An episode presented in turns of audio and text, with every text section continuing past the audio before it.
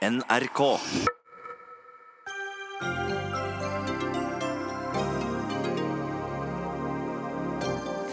Mens eh, norsk- og mattelærere må ha mastergrad for å undervise, klarer musikk- og gymlærere seg med to års kortere utdannelse, har opposisjonen på Stortinget bestemt.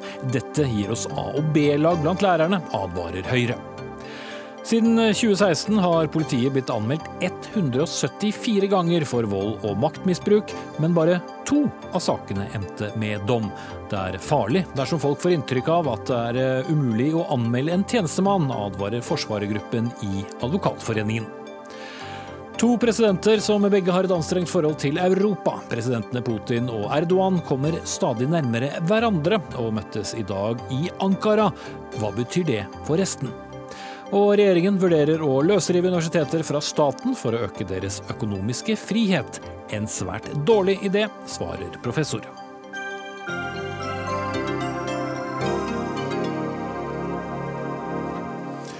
Da ønsker vi velkommen til et eh, post påske Dagsnytt 18 med Espen Aas. Mens de fleste fremtidige lærere må ha mastergrad for å stå ved kateteret, bestemte Stortinget rett før påske at det kravet ikke skal gjelde for lærere i det som heter praktiske og estetiske fag. Som de av og til gjør, så krysset KrF midtlinjen i norsk politikk og sikret opposisjonen flertall for at gym- og musikklærere kan klare seg med en treårig bachelorgrad før de starter på den pedagogiske tilleggsutdanningen.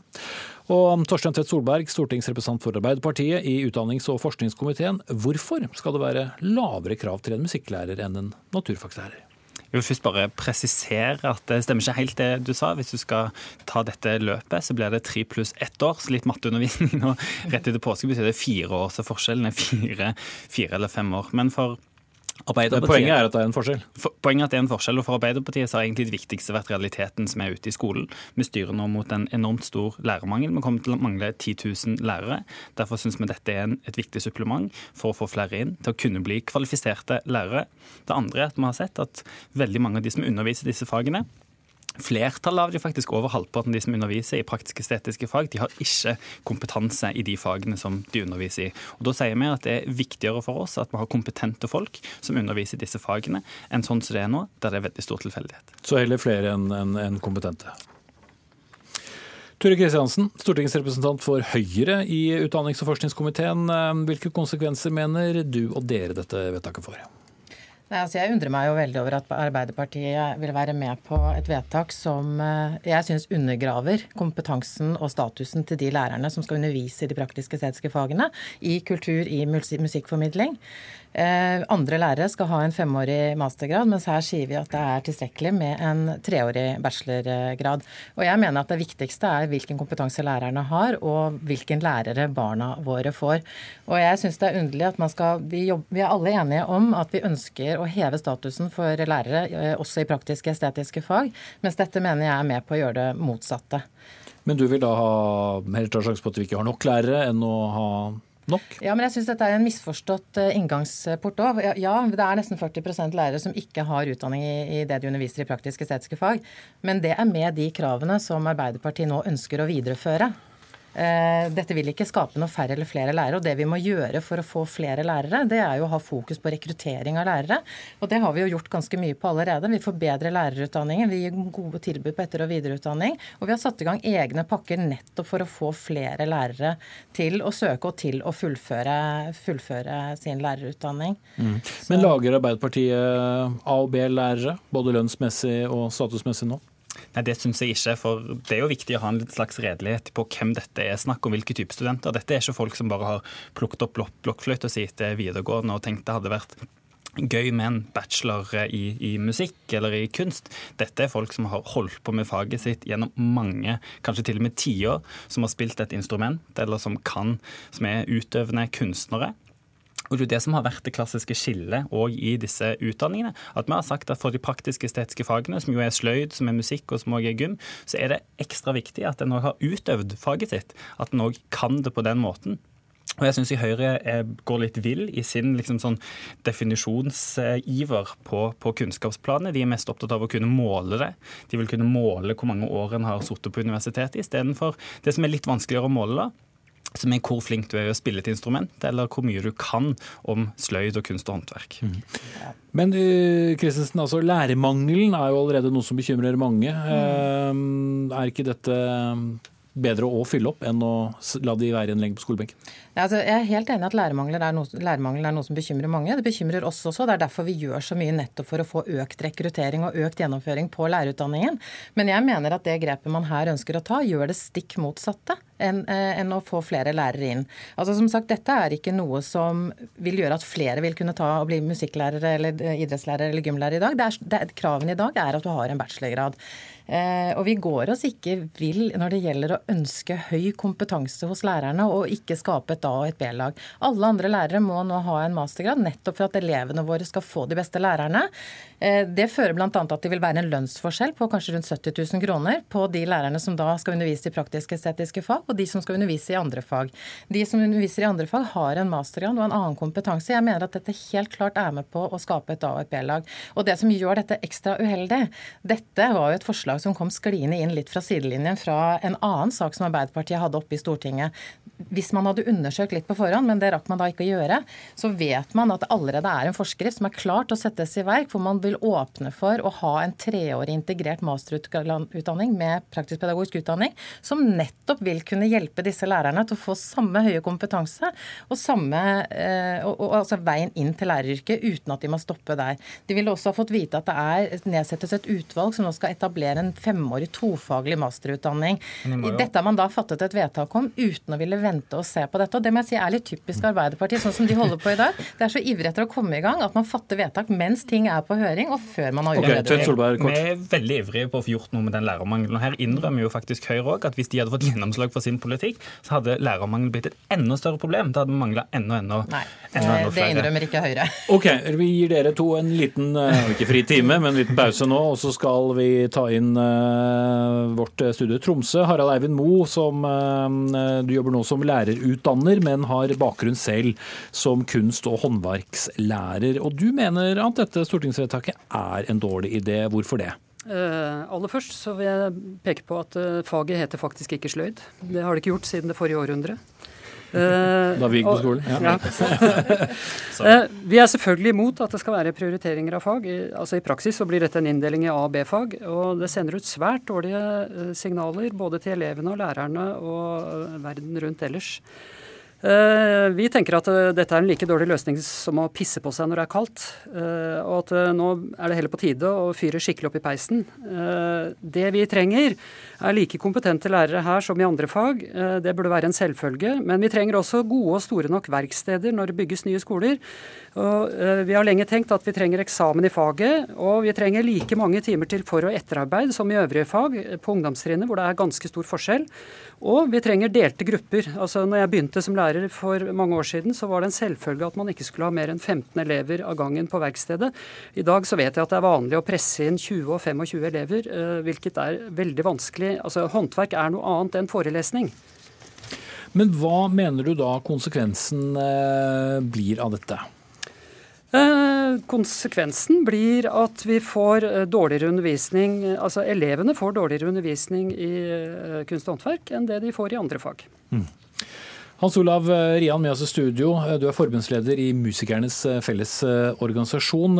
Det er bl.a. dine medlemmer som blir berørt av dette vedtaket. Dere applauderer det, hvorfor det? Jo da, først Først heter jeg Hans Ole Rian. Det kan du se. Eh, noen er glad for at jeg bruker riktig navn. Takk for det. Eh, vi applauderer det her. Altså, vi har sett på gjennom flere år at både i musikk og kunst og håndverk så er det en skrikende mangel etter kompetente lærere. Altfor mange underviser de fagene uten et eneste studiepoeng. Og Da blir det litt merkelig at vi ikke skal applaudere når vi tross alt får kandidater med 180 studiepoeng i musikk og i kunst og håndverk, pluss en praktisk pedagogisk utdanning på toppen. Altså fire år målretta inn mot musikkfaget, kunst- og håndverksfaget. De er motivert, de har bakgrunn innen faget, sånn som det ble sagt her før i dag. De har spilt siden de var seks-sju år, eller drevet med kunst og håndverk. De eh, ønsker å være lærere og de ønsker å undervise i grunnskolen, hvorfor skal de ikke her få lov til å gjøre en god jobb for norsk skole og norsk samfunnsliv? Det skjønner ikke jeg.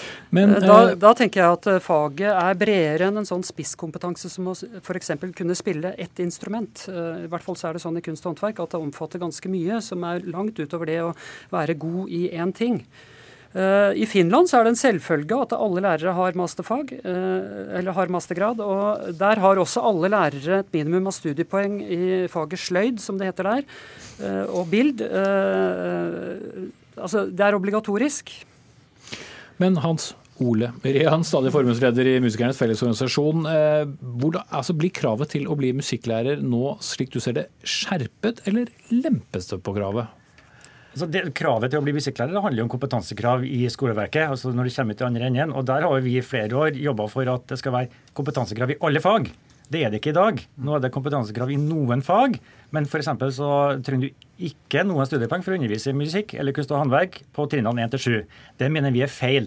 Der må det også stilles krav. Eh, og Vi mener også at de, disse kandidatene her, som er ganske mange, det er snakk om en 250 kandidater per år bare på musikk, som ønsker å være lærere, de vil være en betydelig styrking av det samlede kompetanse i, i grunnskolen i dag. Så vi applauderer dette vedtaket, som egentlig ikke er noe nytt vedtak, det er bare en videreføring av en gammel praksis. Mm. Så vi syns det er veldig bra. Men Så det er altså en, en, en, heving av statusen? Dette er en heving av status.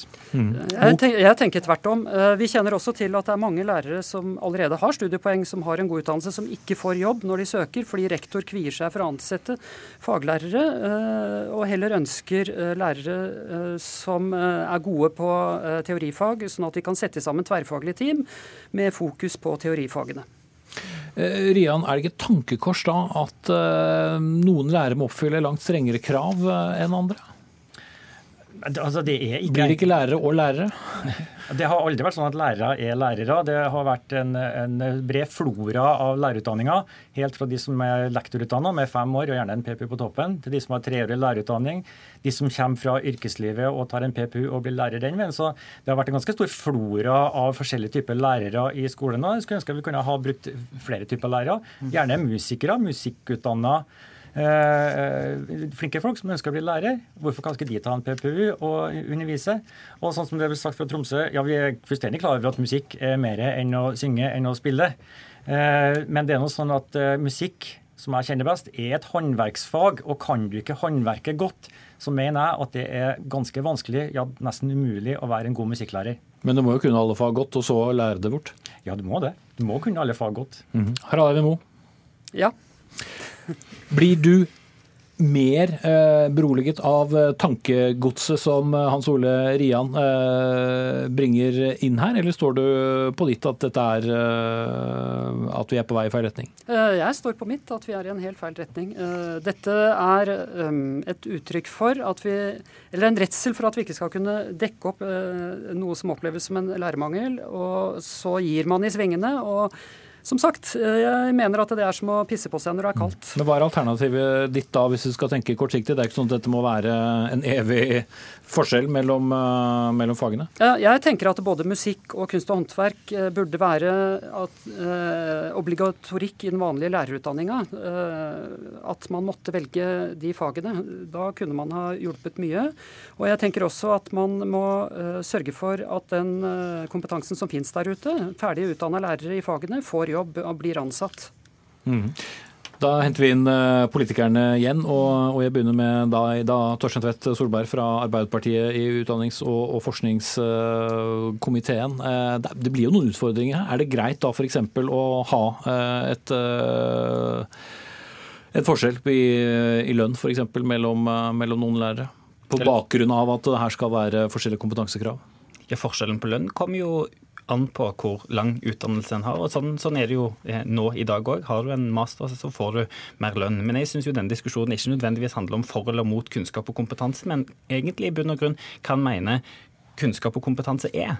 Og Der er Arbeiderpartiet opptatt av at vi har en litt bredere definisjon enn jeg syns Høyre har nå, som vil kun måle det telle kunnskap og kompetanse på antall år du har sittet på skolebenken. For oss har det òg vært viktigere å si at du har en kompetanse med den erfaringen en tar med seg, gjennom å f.eks. ha spilt et instrument eller gått på en kunstskole. Det òg er en kunnskap. Det er ikke like lett å måle, men det er òg like viktig at vi har det inn i norsk skole. At uh, elevene våre òg får, uh, får, ta en del av det. Og det, det, har jeg egentlig lyst til å spørre Høyre litt om òg, for, for, her fremstiller det som om dette ikke er kompetente folk. Og dette er utrolig kompetente folk som, har, uh, som kan faget sitt veldig veldig godt. Og den kompetansen må vi ha inne i skolen. Så jeg håper jo en, en ser det, at dette er flinke, kompetente folk som òg trenger ja, Det er klart dette er kompetente folk, men det er en norsklærer med bachelor eller en engelsklærer med bachelor eller en mattelærer med bachelor. Og Arbeiderpartiet er helt enig med Høyre at vi skal ha en femårig lærerutdanning nettopp fordi vi trenger høyere kompetanse.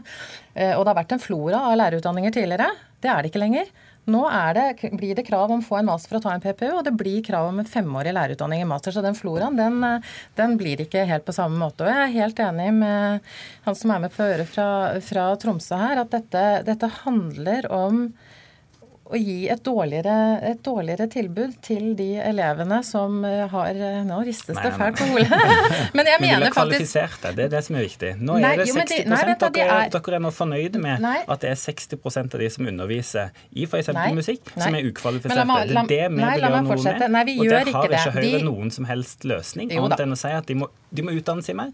Men det kommer fortsatt til å bety at norske elever de neste årene de har uh, ingen kvalifiserte lærere som kan undervise i musikk eller kunst. Du vrir fullstendig på det. Som jeg sa i sted, så er det et problem at det er 40% som ikke er kvalifiserte. Og det er det i mange andre fag. Men måten å løse dette på er ikke å ha lavere kompetanse på de som skal undervise i noen fag enn i andre fag. Og Høyre og regjeringen har gjort en rekke tiltak for å skaffe flere kvalifiserte lærere. Vi har satset mye på etter- og videreutdanning. Det er satt i gang eget tiltak for rekruttering. Og det er, jobbes nå med en egen strategi for å rekruttere yrkes, uh, yrkesfaglærere. Og jeg er veldig i stuss at MFO kan sitte her og si at dette vil kreve, uh, føre til en skjerping av kravene. Dette er de kravene vi har i dag. Det er ikke innført kompetansekrav for undervisning i disse fagene. Det er en helt annen skål. Jeg er helt enig med deg. Jeg skulle ønske vi hadde kompetansekrav i alle fag. Men vi er dessverre nødt til å ta noen fag av gangen. Men det vi innfører nå i dag, er faktisk det samme som vi har i dag, men et mye lavere kompetansekrav og mindre kvalifiserte lærere til elevene våre for de som skal undervise i kunst og musikk. Og da får MFO få slippe til? Ja, du er veldig glad for at Høyre sier det med kompetansekrav. for mm. Eh, når du nå sier det, og forplikter Høyre til å innføre kompetansekrav på alle trinn for alle fag, så er det faktisk faktisk flertall på Stortinget for den saken, så da kan du bare løfte den fram, og så får vi det vedtatt i løpet av våren. Tusen takk for det. det var, jeg må bare korrigere. Vi er for det jeg vet at Arbeiderpartiet også er, for å innføre kompetansekrav, men vi er også enige om at vi kan ikke innføre, innføre det for alle fag samtidig.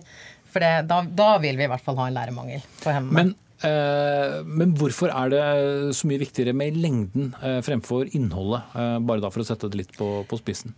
Altså det er klart, Når du har studert et fag lenger, så, så, vil du ha økt kompetanse i faget. Eh, det som også er et problem med en del av disse lærerne i dag, er at de har kun undervisningskompetanse i ett fag. Skolene ønsker primært å, å ansette lærere med undervisningskompetanse i flere fag for å kunne bruke de i flere fag. En annen ting er at når du har en mastergrad, så tar du en del av en institusjon, som også er en forskningsinstitusjon. Og det gjør også mye for hvordan de kan jobbe med fagene etter at de kommer ut og underviser. De kan bruke ny forskning, ny kunnskap på en enklere måte enn en som ikke har vært igjennom et, eh, et masterløp. Så dette hever kvaliteten. Det hever statusen til lærerne. Og det skulle jeg ønske at vi også kunne få lov til å gjøre for alle de som skal undervise i praktisk-estetiske fag. Så en lærer er en lærer som, som har en, en, master før de begynner på pedagogisk utdanning? Det er det som er den klareste definisjonen, uansett uh, fag. Ja, eller at jeg går på den integrerte femårige lærerutdanningen, som uh, også er en masterutdanning. Mm. Mm. Arbeiderpartiet ville til ordet. Ja, altså jeg synes dette er en veldig sånn snever definisjon, og at en er veldig blind for egentlig det som er realitetene der ute. Den, denne skrivebordstilnærmingen som Høyre har til hele denne diskusjonen, den, er, den, får ikke med seg hva som skjer i norsk skole, der musikktimer ofte er at en ukvalifisert lærer setter på en YouTube-video. Som det er blitt sagt, sløyd er vekke. Det, det, det, betyr at i kunst og håndverk så drives, drives, det nesten ikke med sånn trevirke- og metallsløyd som, som, til og med jeg fikk lov til å, å, ha når jeg gikk på skolen. Det er ukvalifiserte, og eh, med de vedtakene som Stortinget har gjort, så ser vi jo at det er flere og flere som blir ukvalifiserte som nå er i skolen. Og det er det vi vil ta tak i. Jeg er veldig glad for at vi fikk med oss et flertall i Stortinget som stoppet den snikinnføringen og endringen av regelverket som regjeringen nå gjorde. For dette vil bety at vi vil få mer kvalifiserte lærere til å undervise i dette. Jeg må bare få replisere en ting. Det har ikke vært noe endring. Dette har vært forskriften siden 2015. Så det premisset som ligger til grunn i det forslaget som Arbeiderpartiet fremmet, det er helt feil. Dette er det det har vært helt siden 2015. Og det er det, og dette, og det først i 2017 og nå, nå i 2018. Ja, men, men, poenget er at dette er ikke skrivebordspolitikk. Dette er et fagfelt som vi jobber med. Og jeg undrer meg over at Arbeiderpartiet, som også sier at de er et kunnskapsparti, tar så lett på hvilken kompetanse vi skal ha, og skiller, og skiller, meg, og skiller mellom ulike fag. At i enkelte fag så er dere helt enige med oss i at det er økt kompetanse som er nøkkelen, mens i andre fag så er det det ikke. Og dette vil ikke føre til flere ukvalifiserte lærere. Dette er status quo med det dere ønsker å beholde. Vi har en rekke tiltak for å rekruttere flere. Og det er det vi må gjøre. Ikke gå ned på kompetansekravene, men faktisk rekruttere flere dyktige lærere med den praktiske tilnærmingen som jeg er helt enig med dere at det er viktig at de har. Ture Kristensen fra Høyre i forskningsutdanningskomiteen fikk siste ord. Vi hadde også Torstein Tvedt Solberg fra Arbeiderpartiet i samme komité. Hans Ole Rian, forbundsleder i Musikernes Fellesorganisasjon, og Harald Eivind Moe, universitetslektor ved Institutt for lærerutdanning og pedagogikk ved Universitetet i Tromsø. Dagsnytt 18 alle hverdager kl 18.00 på NRK P2 og NRK2.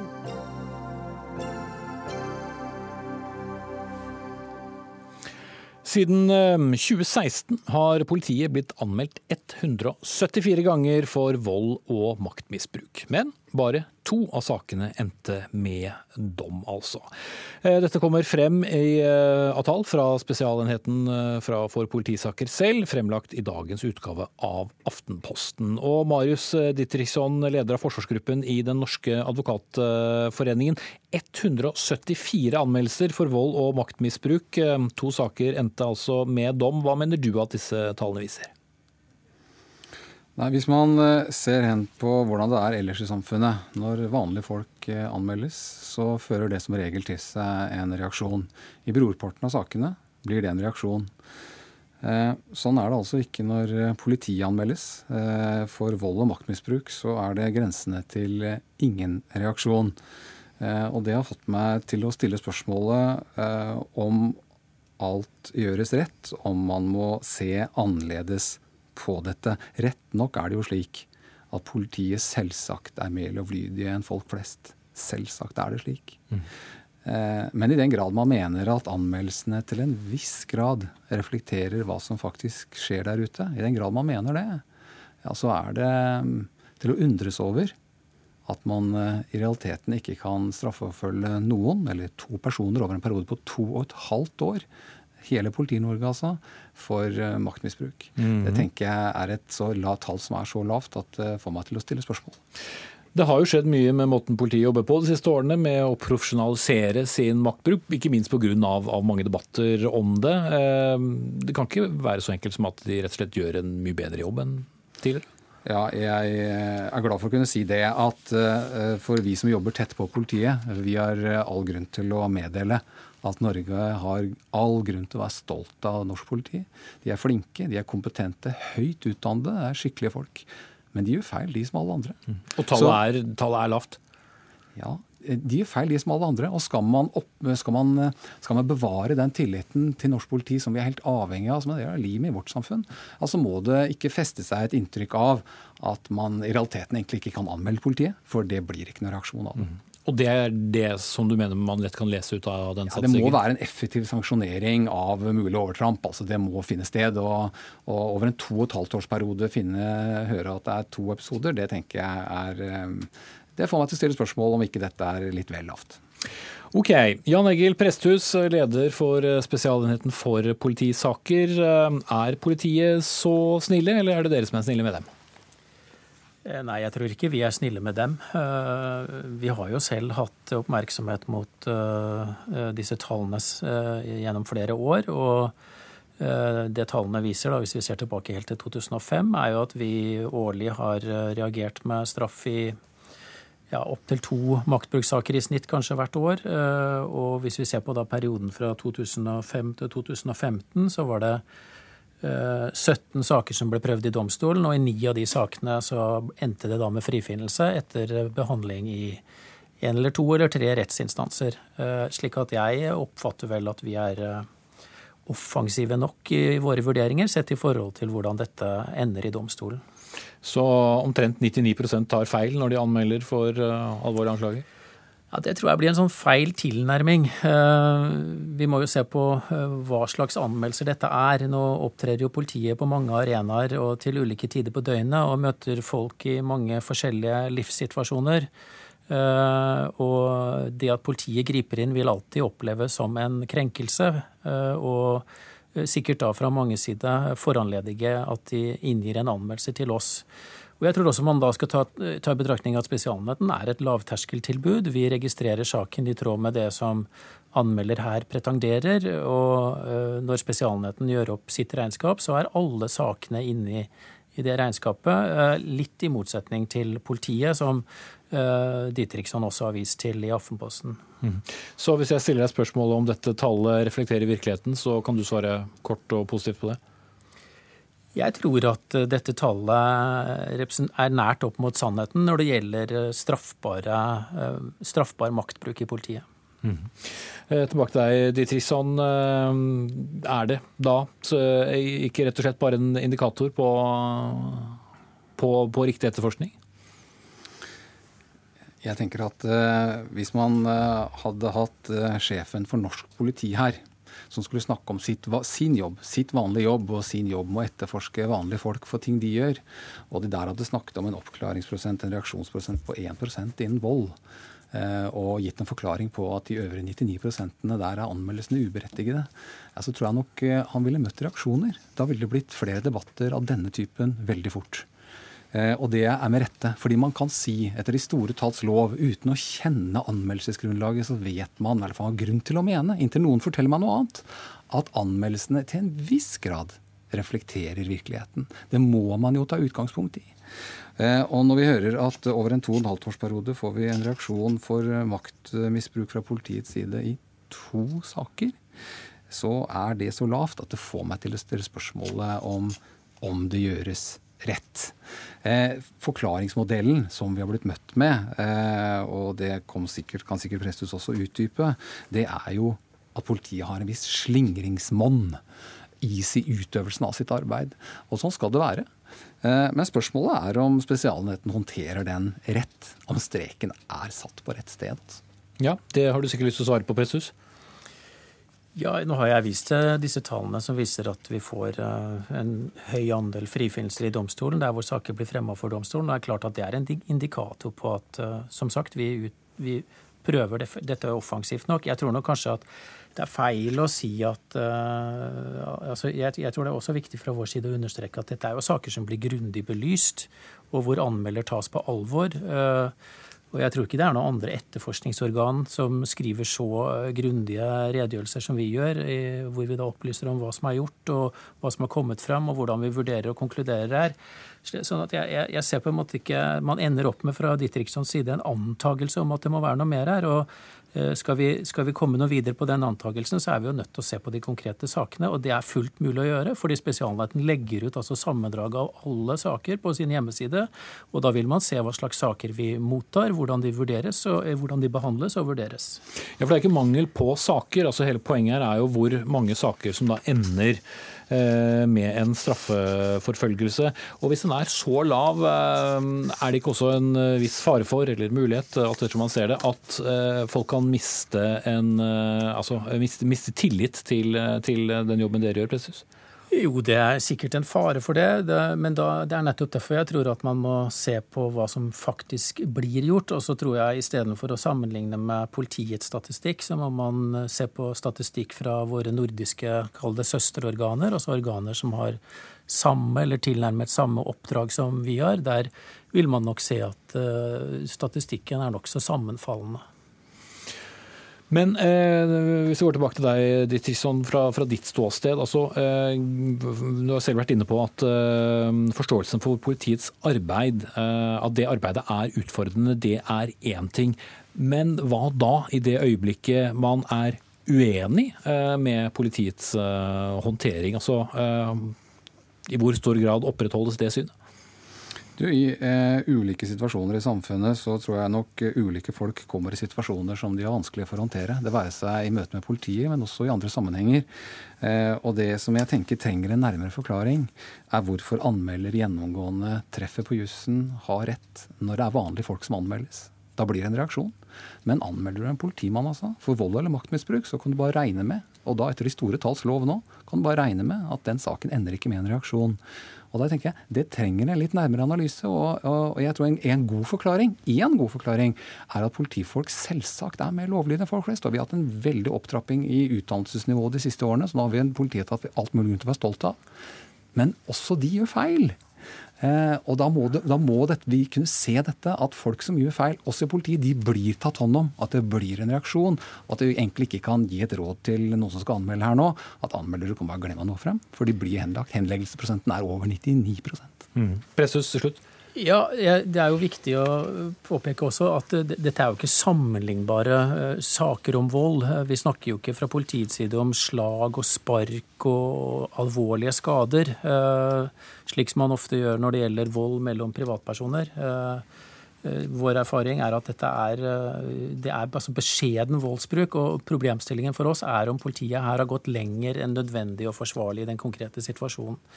Og Det kan være en vanskelig skjønnsmessig vurdering, og i de sakene hvor vi da er i sterk tvil, så vil vi jo velge å ikke reagere med straff. Og det er jo i tråd med god påtaleskikk. Og, og, det er litt det jeg peker på, at dette er eh, svært skjønnspregede saker, hvor konklusjonen kan gå den ene som den andre veien.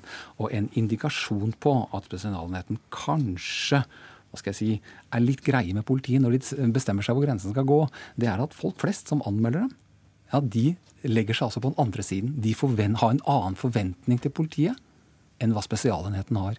Og det får en jo til å undres. Mm. Vi får eh, sette strekk ved undringen eh, så langt. Takk skal du ha, Marius Ditriksson, leder av forsvarergruppen i Den eh, norske advokatforening. Og takk til Jan Egil Presthus, leder for Spesialenheten for politisaker.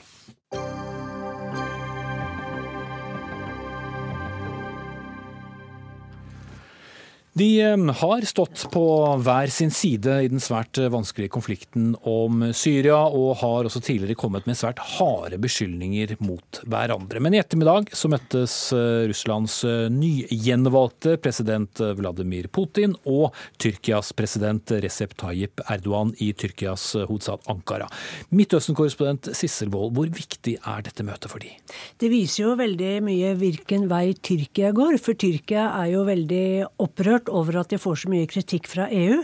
Og det var jo nettopp et møte i Varna i Bulgaria 26.3, hvor man skulle prøve å reparere forholdet mellom Tyrkia og EU, og det gikk ikke noe bra.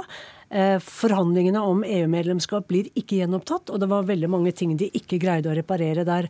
Samtidig så har jo Russland og Tyrkia nærmet seg hverandre over tid. De har samarbeid eh, når det gjelder forsvar. Tyrkia har kjøpt dette S-400 luftvernforsvaret mot raketter av Russland, som ikke da er en del av Nato-systemet, så det var jo Nato veldig eh, bekymret over. Og samtidig så har jo russerne hatt eh, herredømme i luften over Syria, men de har latt eh, Tyrkia bombe Nord-Syria, Afrin, ta Afrin. Så dette har jo Tyrkia gjort, altså tatt en jafs av Nord-Syria, kontrollen der, med, med Russlands velsignelse. Nå står jo de på hver sin side i Syria-konflikten. Og i tillegg så skal jo russerne nå bygge dette første kjernekraftverket til Tyrkia, hvor russerne da eier 51 mm. Som de to lederne har sittet og fulgt på, på videolink, eh, åpning eh, av uh, i dag. Vi snakker jo da, som du for så vidt var inne på, på Sissel, med en tyrkisk president som har et anstrengt forhold til EU, og vi trenger vel ikke akkurat å minne publikum om at dette er den samme situasjonen for for Vladimir eh, Putin også, ikke minst pga.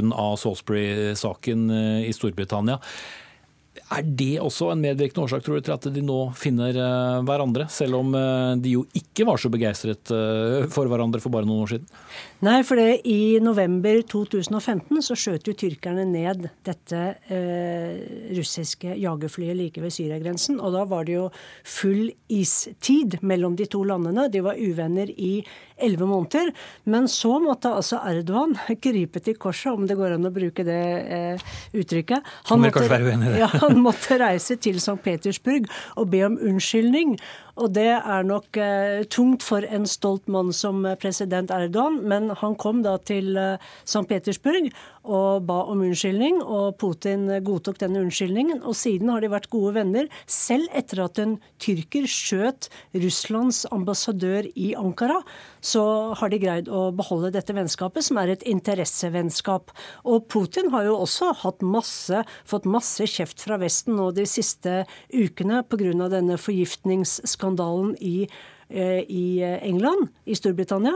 Sånn at eh, de er på en måte the bad guys for Vesten, og de finner sammen, for de har store interesser sammen. Mm. En, en, stor sak, og nå i ettermiddag kunne vi se de sitte uh, ganske mektige i hver sin stol og, og la blitslampene klikke og, og hamre mot seg. Men hva er det de har gjort når de ser ut til å finne tonen? For som du selv sa, de står jo på hver sin side av Eh, hverandre i, i, i Syria-konflikten. Selv om da eh, Putin har, har, eh, sagt at det er greit at, at Tyrkia går inn i, i nord? Ja, altså det er jo Iran og, og, og um, Russland og Tyrkia som nå er de som skal forme Syrias fremtid, ser det mm. ut som. For de er jo veldig, ja, veldig, aktuelle i disse Astana-samtalene. De skal møtes i morgen. Og Tyrkia har jo på en måte vært lillebror i dette trekløveret. Men nå har jo Tyrkia blitt litt mer, om ikke storebror, men i alle fall mer eh, jevnbyrde med de andre, fordi at de har hatt et fotfeste der. Og alle de tre landene har jo brukt mye militære ressurser i Syria. Sånn at de er på en måte eh, de tre som kan avgjøre Syrias fremtid, mens Vesten står på sidelinjen. Mm. En eh, bieffekt, hvis det er riktig ord, av selvfølgelig hele Syria-krisen er jo flyktningsituasjonen i Tyrkia. Erdogan har gang på gang truet Vesten og truet EU med å open the floodgates, altså åpne portene og slippe alle de flyktningene som i dag er i Tyrkia, inn i eh, Europa. Burde EU være nervøse for eh, den mer og mer vennlige tonen mellom eh, Russland og Tyrkia? Ja, altså Erdogan bruker jo dette flyktningkortet hele tiden, men hvis du ser på hvor Tyrkia har sine handelspartnere, så er jo det i EU. Av de ti største handelspartnerne eh, eh, Tyrkia har, så er jo alle EU-land, eh, bortsett fra USA. Og de har ikke så veldig mye handel med verken Russland eller Iran. Så business-wise så er jo EU og Vesten mye viktigere for Tyrkia enn eh, Iran og eh, Russland. Men når det gjelder det politiske og det forsvarsmessige samarbeidet, iallfall når det gjelder Syria, så er jo Tyrkia nærmere de to andre landene nå. Og det som er viktig, er at veldig mange som stemmer på Erdogan i Tyrkia, de vil gjerne ha en leder som er sterk, som møter andre sterke ledere, som spiller en rolle i verden. Så derfor er også dette viktig for Erdogan, at han er en av de store gutta som ordner opp på den politiske scenen, i alle fall når det gjelder eh, Syria. Vi skal ikke så mange år tilbake i tid før uh, man snakket reelt sett om, om Tyrkia som et mulig uh, fremtidig medlem av EU. Det er ikke så mange som snakker om det lenger nå. Men du bor jo i Tyrkia, bor i Istanbul. Uh, hvordan vil du tolke måte, stemningen da mot, mot, EU her? mange tyrkere vil jo føle at de gjør en ganske stor innsats for Europa, ikke minst med denne flyktningsituasjonen, men føler kanskje ikke at de får så mye tilbake.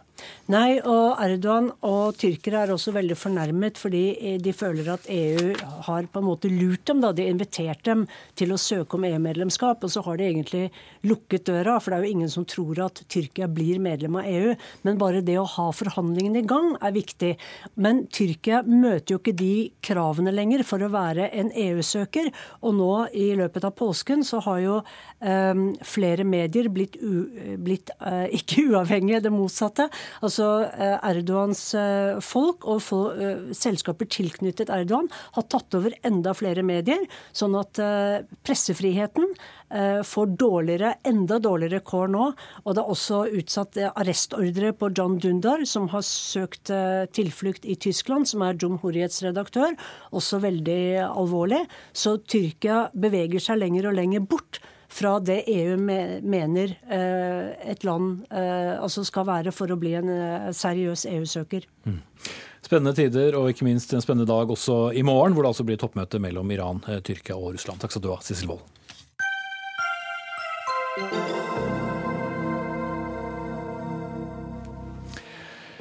Rett før eh, påske ble det kjent at eh, en av elitespillerne i Molde fotballklubb er tiltalt for eh, voldtekt. Lovbruddet har en minstestraff på tre års fengsel ved en eventuell domfellelse, men strafferammen går opp til ti års fengsel. Men spilleren erkjenner ikke straffskyld. Til tross for tiltalen så får spilleren fortsette å spille kamper, opplyser klubben, og det reagerer du på, Katrine Linn Kristiansen, talsperson i Feministisk initiativ. Du mener han burde bli satt på benken. Hvorfor det? Nei, jeg syns at eh, det er viktig at Molde fotballklubb nå, som er ledertabellen faktisk i Eliteserien, at de har et ansvar. Og som fotballspiller har du også et ansvar, fordi du er et forbilde, enten du vil eller ikke. Og, Men han er ikke dømt?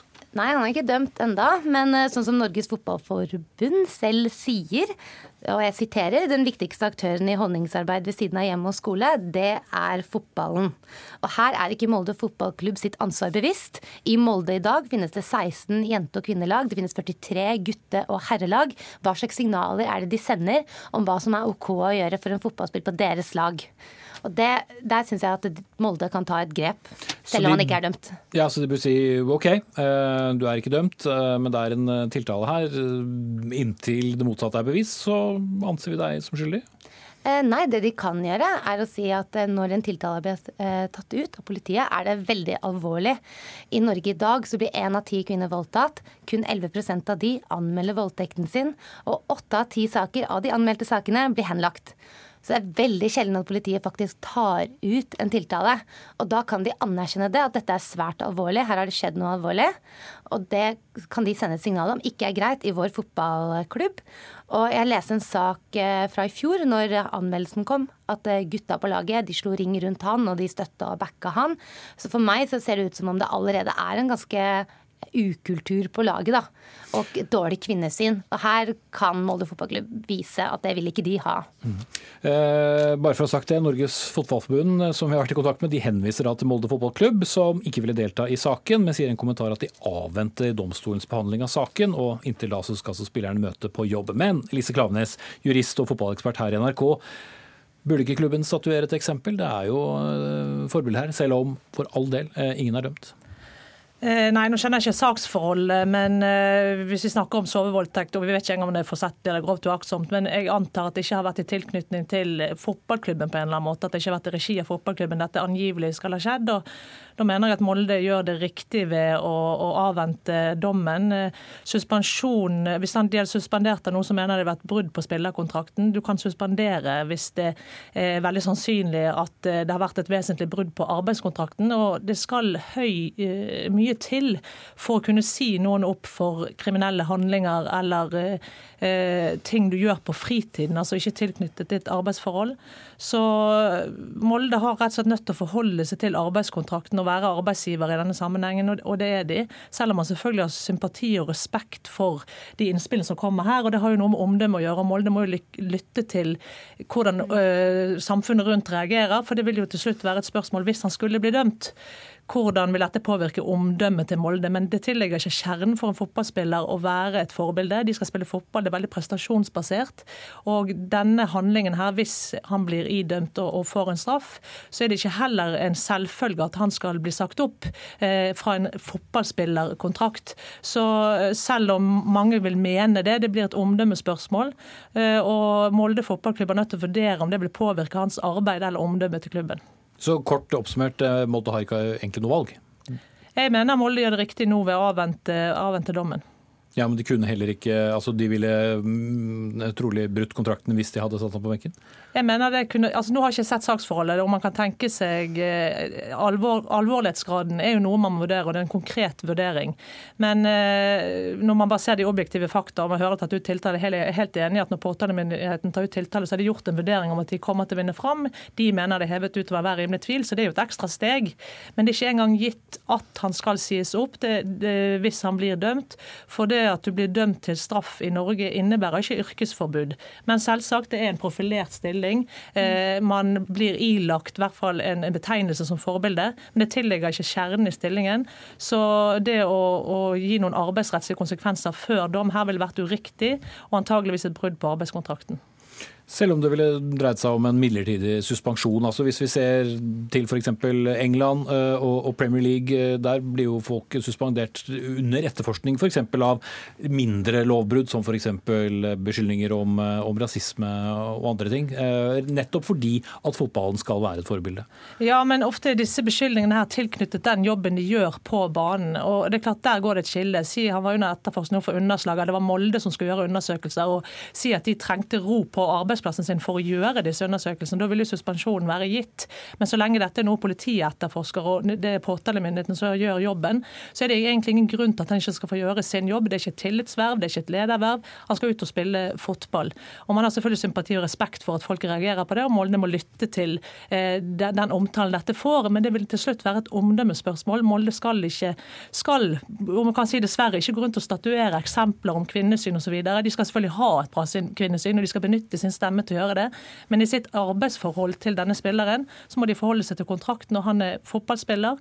Eh, og per nå er han ikke dømt. Og ikke minst, han har en annen Han eh, erkjenner ikke straffskyld, han har en annen forklaring enn en, eh, denne kvinnen har. Og Molde har jo nødt til å hensynta sin ansatt.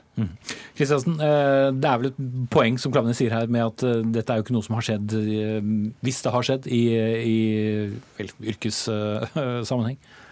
Eh, nei, det, ikke så vidt jeg vet så har det skjedd eh, på privaten, holdt jeg på å si. Men jeg mener at vold mot kvinner er ikke en privatsak. Det burde også gå utover han som fotballspiller, og det burde gi han konsekvenser. Fordi når Molde fotballklubb da sitter så passive som de gjør, og lar han fortsette å spille Og jeg leste tidligere, når det ble tatt ut anmeldelse, så sa treneren at eh, ja, han er jo ikke blitt tiltalt. Så vi får vente og se til det skjer. Og nå er han blitt tiltalt, og nå får vi vente og se til om det blir en dom eller ikke. Og så kommer kanskje dommen, og da må vi kanskje vente og se enda litt til, da. Fordi det virker bare... som de ikke har noen prinsipper, og de er helt tilfeldige. Men da må jeg også stille deg spørsmålet, altså er det fordi at dette er eh, en, en fordi det er fotball, fordi det er idrett det er snakk om, eller burde, mener du da at dette også burde være i andre sammenhenger? Hvis jeg var beskyldt for noe, burde jeg tas av lufta i, i Dagsnytt 18? Ja, altså burde det gjeldes for det. Eh, jo, jo, men altså ikke bruk meg som eksempel, da, men eh, for å se det store bildet. Eh, handler det om fordi at fotballspillere ofte er, er forbilder, så burde, bør fotballklubben ilegges et større ansvar eh, for å tenke omdømme enn andre bedrifter eller lag? Det er veldig mange som må tenke omdømme og tenke på sponsorer og seere og supportere. F.eks. mediebedrifter. Det har jo vært flere tilfeller i store mediebedrifter i Norge hvor spesielt sportskommentatorer har måttet gå pga. seksuell trakassering. Og det var ikke før metoo at det endelig fikk konsekvenser. De har tura frem i årevis, sikkert, uten at det har skjedd noe som helst. Men så kom metoo, og heldigvis fikk det endelig noen konsekvenser. Og de har skapt en utrygg arbeidsplass for veldig mange kvinner i mange år. Og jeg tenker at Molde fotballklubb må komme seg inn i 2018 og også se at dette gjelder dem. Mm. Ja, Det er jo nettopp det at det skaper utrygge arbeidsplasser som har vært grunnen til at disse menneskene måtte trekke seg. og Det er fordi det påvirker arbeidsforholdet. Men her er det snakk om en ugjerning som angivelig er begått på fritiden. og Det er der det prinsipielle skillet går. Det er ikke en privatsak å voldta kvinner, nei. Det er tvert imot en offentlig sak. Det er derfor det blir en offentlig straffesak. Mm. Men det at det skal bli relevant for arbeidsforholdet, da må det være relevant for arbeidsforholdet. og Da er det omdømmesiden av det, og det, det, det må Molde vurdere. De har ingen plikt til å si dem opp, men de kan tvert imot være avskåret fra å gjøre det lovlig. Det må de gjøre en vurdering av om tilliten til han er svekket i, i, klubben. Man kan ikke si at han vil prestere dårligere, men man kan tenke seg at de eh, ser på sine spillere som ambassadører, og at det kan tolkes inn i kontrakten. Det er heller ikke gitt. Det er ikke en gjentagende eh, handling, dette her. Det er en handling.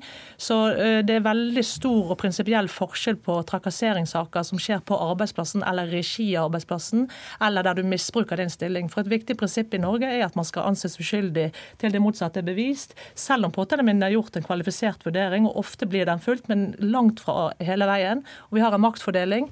Så Molde ville nok vært på veldig tynn is her hvis de hadde suspendert han nå og sett han på benken. Det er det ingen åpning for i spillerkontrakten. Det er sportslige vurderinger som skal legges til grunn for å sette på benken. Så en sånn hybridløsning ville ikke vært god. Mm. Men det er helt vanlig at uh, man må ta permisjon fra jobb uh, hvis det pågår en etterforskning av noe kriminelt. Det er ikke veldig uvanlig at det skjer.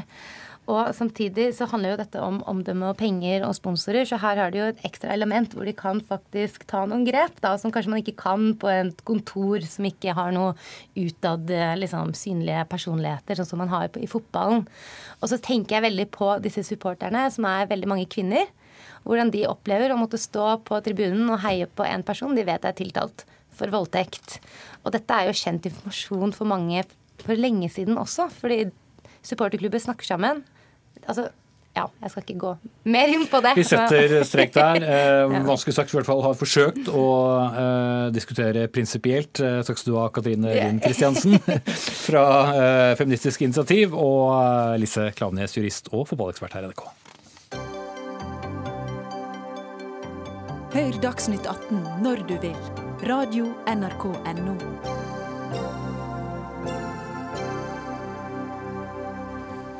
Det skal igjen eh, for så vidt handle om utdanning, eller utdanningsinstitusjoner snarere her i Dagsnytt 18. For bør norske universiteter skilles fra staten? Det er blant spørsmålene som regjeringen skal utrede når de i løpet av denne våren vil gjennomgå regelverket for universiteter og høyskoler. I dag er institusjonene stort sett statsfinansiert, men med en eventuell foretaksmodell, som det heter fint, som kanskje mange kjenner fra sykehusvesenet, vil universitetene få frihet til å ta opp lån for å finansiere bl.a. forskningsprosjekter eller nye bygninger. Men du mener i Klassekampen at en slik foretaksmodell vil gi mindre frihet, du Hans Petter Graver, jusprofessor ved Universitetet i Oslo? Ja, jeg mener det. Altså, nå må vi først uh, kanskje definere hva vi mener med frihet, uh, eller autonomi her. Uh, det er jo flere grader av frihet. Det er heller typefrihet. Det er den akademiske friheten, og så er det den, si, den administrative økonomiske handlefriheten. Og det virker som om det er den økonomiske administrative handlefriheten man snakker om her. Og, og da er det jo riktig at hvis man frigjør institusjonene fra å være vanlige forvaltningsorganer til å bli selvstendige, så vil de i utgangspunktet og til å begynne med få en frihet til å kunne selge eiendom eller ta opp lån osv. Men det vil føre til at de vil bli avhengige av eh, markedet, både når det gjelder å betale leie, hvis de velger å selge også leieeiendommer, eh, og å betjene lån. Og den bindingen som ligger i markedet, vil på sikt kunne bli mye mer rigid og styrende enn den bindingen man har i dag til staten. Ja, hvordan da? Hvis de styrer økonomien dårlig? Trenger de staten ja, til å passe på seg? Ta som et eksempel når det gjelder bygninger. Så, så bruker man i dag bygninger ut fra en intern husleie. Og det ligger atskillig fleksibilitet i at bygningene ikke er blitt vedlikeholdt, slik at det er et etterslep på vedlikehold. Det har gitt dem en handlefrihet. Selvfølgelig så møter man det, men det setter universitetene da i en situasjon hvor de må forhandle med staten om ekstra tilskudd til dette. Hadde de leid derimot av private utleiere, så ville de ikke hatt den friheten. Da måtte de betalt leien punktlig, slik den var definert i kontrakten, etter som markedet utvikler seg, eller blitt sagt opp. Altså Det er en mye mer rigid styring som markedet gir, enn den styringen som ligger i å være et forvaltningsorgan. Iselin Nybø, forsknings- og høyere utdanningsminister for partiet Venstre. I 2003 skrinla daværende utdannings- og forskningsminister Kristin Clemet det samme forslaget som dere nå skal utrede. Hvorfor skal dere vurdere dette på nytt? Nei, Det begynner jo å bli en stund siden 2003, og det har skjedd eh, flere ganske store ting i denne sektoren. Eh, for det første så er det jo flere internasjonale rapporter som peker på at eh, norske universiteter og høyskoler har en del å gå på når det gjelder det med å ha autonomi. Og for det andre så har vi nå nylig gjennomført en ganske stor strukturendring i sektoren som har gjort at vi har færre universiteter og høyskoler. Eh, og da er regjeringen opptatt av at vi må se på Altså, Er det sånn at vi organiserer oss på den best mulige måten i dag? Eller er det rom for å gi mer fleksibilitet, mer frihet til institusjonene? Og Det er derfor vi ønsker å ta en gjennomgang. Men jeg har, jeg har lave skuldre på dette. fordi at nå skal vi nå skal vi ta en gjennomgang, og så skal, vi, så skal vi se da, hva er fordeler, hva er ulemper. Foretaksmodellen er bare én av de tingene vi skal se på.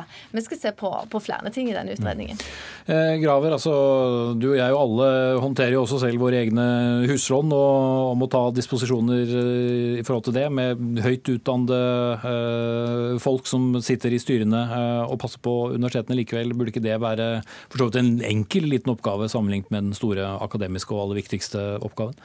Nei, altså man blir på en helt annen måte underlagt de økonomiske konjunkturene. Og, og hvis, man eh, tar opp, hvis man belåner, så man setter seg i en situasjon, det kan være fornuftige økonomiske disposisjoner, men styringen er mye mer rigid. Og disse internasjonale rapportene som statsråden viser til, de er jo helt verdiløse når det gjelder det spørsmålet vi diskuterer nå. For at de rapportene måler hvor stor grad av økonomisk handlefrihet er det man har eh, sett opp mot en foretaksmodell. Og det er klart at Norge scorer dårlig der, fordi vi har valgt foreløpig ikke å gå inn på den galeien. Men de sier jo ikke noe om hvorvidt vi bør gå inn på det eller ikke. Så jeg vil si at det er tvert imot et sunnhetstegn at vi scorer dårlig på den slags type rangeringer. Mm. Vi har ikke snakket så mye om akkurat dette i Dagsnytt 18, men du verden foretaksmodellen har vi snakket mye om når det gjelder sykehusene. Er den en, en suksess som bør videreføres? Jeg er, jeg er, opptatt av at nå skal vi ha en, en utredning. Og i motsetning til Graver, da, så har ikke jeg eller regjeringen konkludert på dette. Det er nettopp derfor vi ønsker å ha en utredning. Og så er det sånn Foretaksmodellen er Men bare for å stoppe det der, for at dere har ikke konkludert, det er greit. Men i brevet der dere ber om innspill til utvalget, så står det sitat 'utskillelse fra staten vil gi større' så er det dette ordet igjen da, autonomi. Ja. Det høres ut som dere har bestemt dere litt på forhånd? Nei, jeg kan, jeg kan med hånda på hjertet si at eh, dette er en utredning der vi skal se på fordeler og ulemper. Eh, og ikke bare på foretaksmodellen, men for å se hva kan vi gjøre for at universitetene og høyskolene skal ha større frihet og større autonomi. For det er sånn i dag at de, de, de er forvaltningsorganer som ligger i direkte linje under den til enhver tid sittende statsråd. Eh, så, så, jeg er opptatt av at vi ikke skal konkludere før vi har, før vi har sett på dette. Og, og det men lag en sånn- reklameplakat, da. Hvorfor Hvorfor er det en bedre løsning for eh, de etter hvert ganske mange universitetene vi har her, å ha en frihet til ikke vente på Statsbygg når de skal eh, bygge, altså de kan eh, ha denne økonomiske handlefriheten, men også stå i fare for de økonomiske følgene det kan få. Ja, du, du sier jo en der, altså ikke stå og vente på Statsbygg. I dag så er det jo sånn at universiteter og høyskoler som, som har eh, planer om, om, bygg som de gjerne trenger for å, for å, forske, for å undervise, for å utføre samfunnsoppdraget sitt, de er nødt for i dag å vente på statsbudsjettet. Eh, for hvert år må de se om de har blitt prioritert i det sånn kommende statsbudsjettet dette vil være eh, en sånn gjennomgang. Vil, vil, gjerne se på muligheten for at de skal kunne ta opp låneopptak sjøl, for på den måten å kunne styre seg mer sjøl. Men dette er, dette er, ting som vi vil se på. Og det er klart det er fordeler, det er ulemper. Og det er jo nettopp derfor vi skal ta en gjennomgang, for å se på eh, hva vi kan gjøre. For jeg, jeg tenker fall sånn at eh, det er, ikke, det er ikke gitt at dagens modell er det absolutt absolutt optimale måten å organisere høyskoler og universiteter på. Det kan tenkes at vi kan gjøre noen justeringer. Store eller små. Og alle trenger ikke nødvendigvis å være underlagt samme modellen heller. Okay. Altså etter 30-40 års forvaltningsreform så vet vi nok om fordeler og ulemper med ulike måter å organisere offentlig virksomhet på. Så dette er bortkastet tid? Dette er helt bortkastet tid. Og jeg tolker dette, det står i Jeløya-erklæringen at det skal tas initiativ til mulighetsstudie. Det er et ideologisk, politisk utsagn som betyr at man ønsker å styre mer i retning av en markedstilpasning. Eh, hvis man, eh, og det, det, Disse valgene kjenner vi jo. Vi kjenner det fra NRK, vi kjenner det fra helseforetakene, vi kjenner det fra eh, NSB, alle offentlige sektorer. Det er ikke noe poeng å lage noen utredning om fordeler og ulemper. Det betyr selvfølgelig ikke at ikke man kan gjøre ting innenfor dagens modell.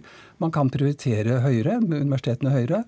Man kan frigjøre midler på andre måter. Eh, slik at universitetene blir i stand til å uh, løse de utfordringene de har, bl.a. på byggsiden. Men For Det er vel en del det, empiri på det området, Nybø? Altså å, å, å slippe institusjoner løs fra, fra staten, og, og, særlig når det gjelder den økonomiske biten som Graver er opptatt av? Ja, må, må, man da sjekke det en gang til for uh, universiteter og høyskoler? Ja, men det, det, er, det, er, litt forskjell fra når vi gjorde det sist, i 2003. For det har skjedd ting siden 2003. Ja, hva har skjedd og, siden 2003 som har betydning for dette spørsmålet? Vi har fått en helt annen struktur struktur eh, i, i, sektoren. Vi har, flere, altså, vi har, mye færre institusjoner i dag enn vi hadde da. En annen viktig ting er at nå er det faktisk store deler av sektoren som òg tar til orde for denne gjennomgangen. Eh, I 2003 så ble det nok møtt ganske sånn ja, det ble slått bakken ganske raskt. Men nå er det flere rektorer på de store universitetene som har vært positive til en sånn gjennomgang. Nettopp fordi det vil gi dem en annen fleksibilitet til å styre sitt eget universitet. Og da tenker jeg, la oss iallfall se på det. Men mye eh, mer av det offentlige har også blitt privatisert, er ikke det også et poeng? Som gjør det lettere å argumentere for at eh, tiden er mer eh, omme nå, 15 år senere? Det er klart, altså Ting skjer på 15 år. Og hvis ikke denne sektoren, universitets- og høyskolesektoren, av alle sektorer, må jo tåle å ta en debatt, må jo tåle å se på seg selv om dette er den optimale måten å være eh, organisert på. Mange bruker som argument mot at det, ja, da blir de mer avhengige av næringslivet og skal få inn inntekter fra andre plasser. Og til det vil jeg si eh, to ting. For det første, de må være korte. Ja, for det første, Det er bra å få inn næringslivet mer. for det At næringslivet også skal bidra inn i forskningen, det er et mål vi har uansett. Men det er jo ikke det denne debatten en, handler om. Nei, Vi skal få inn næringslivet og samarbeide og for med det andre. Det er ikke det som er målet. Det er ikke de økonomiske vinningene for staten først og fremst som er målet her. Det er jo fleksibiliteten til universitetene og høyskolene som er målet. Det er det vi ønsker. Mer frihet, mer fleksibilitet, større autonomi. Der var den raske forelesningen over, og det var også Dagsnytt 18. Takk skal du ha, Iselin Nybø og Hans Nybø, unnskyld, og Hans Petter Graver. Eh, Ansvarlig for denne sendingen Dag Dørum. Teknisk ansvarlig Frode Thorshaug. I studio Espen Aas. Vi er tilbake igjen i morgen.